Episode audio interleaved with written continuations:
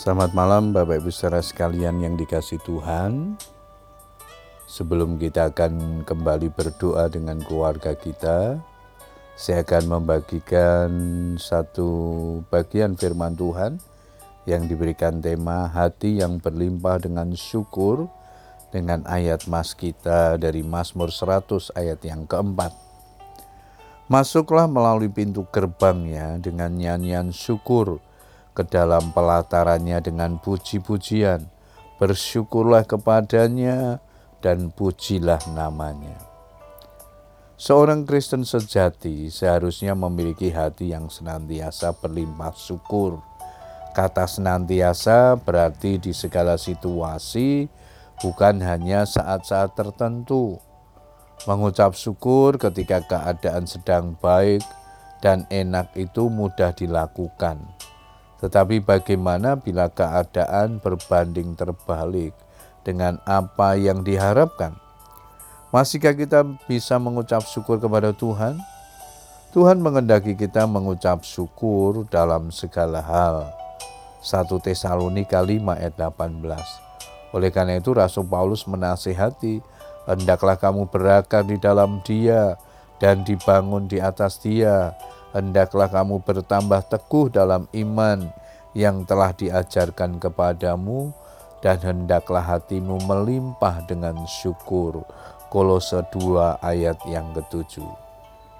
Kita tidak menyadari bahwa di balik pengucapan syukur ada kekuatan yang dahsyat. Sebab saat kita mengucap syukur, walau situasi kurang mendukung, kita sedang mengaktifkan iman kita kita harus percaya bahwa dalam segala perkara, baik itu baik atau buruk, Tuhan pasti turut bekerja untuk mendatangkan kebaikan bagi kita. Karena itu tidak ada alasan untuk tidak bersyukur kepada Tuhan.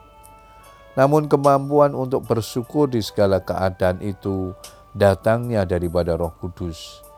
Jadi mengucap syukur adalah tanda bahwa Roh Kudus bekerja di dalam diri kita Hendaklah kamu penuh dengan roh dan berkata-katalah seorang kepada yang lain dalam Mazmur, kidung puji-pujian dan nyanyian rohani. Bernyanyi dan bersoraklah bagi Tuhan dengan segenap hati. Efesus 5 ayat 18 sampai 20. Oleh karena itu, bukalah hati dan undang Roh Kudus untuk masuk di hati kita. Ia akan membantu kita dalam kelemahan-kelemahan kita Kekuatan Roh Kudus tidak bisa dikalahkan oleh kuasa apa pun yang ada di dunia ini. Tidak bisa mengucap syukur, artinya kerohanian kita sedang menghadapi masalah, sebab pandangan kita hanya fokus pada apa yang terlihat. Firman Tuhan menegaskan bahwa hidup kita adalah karena percaya, bukan karena melihat.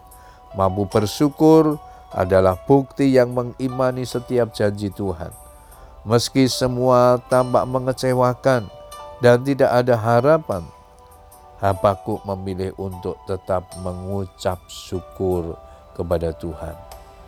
Bapak Ibu Saudara sekalian yang dikasih Tuhan, seberat apa pun keadaannya, tetaplah bersyukur kepada Tuhan. Karena Tuhan sanggup mengubah yang buruk menjadi kebaikan untuk kita semua.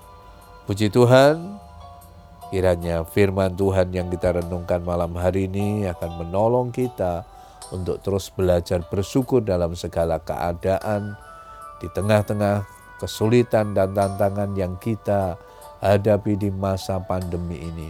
Kiranya kita terus belajar mengucap syukur karena di situlah kita sedang mengaktifkan iman kita untuk terus bekerja, berharap, dan bersandar hanya kepada Tuhan. Selamat berdoa dengan keluarga kita.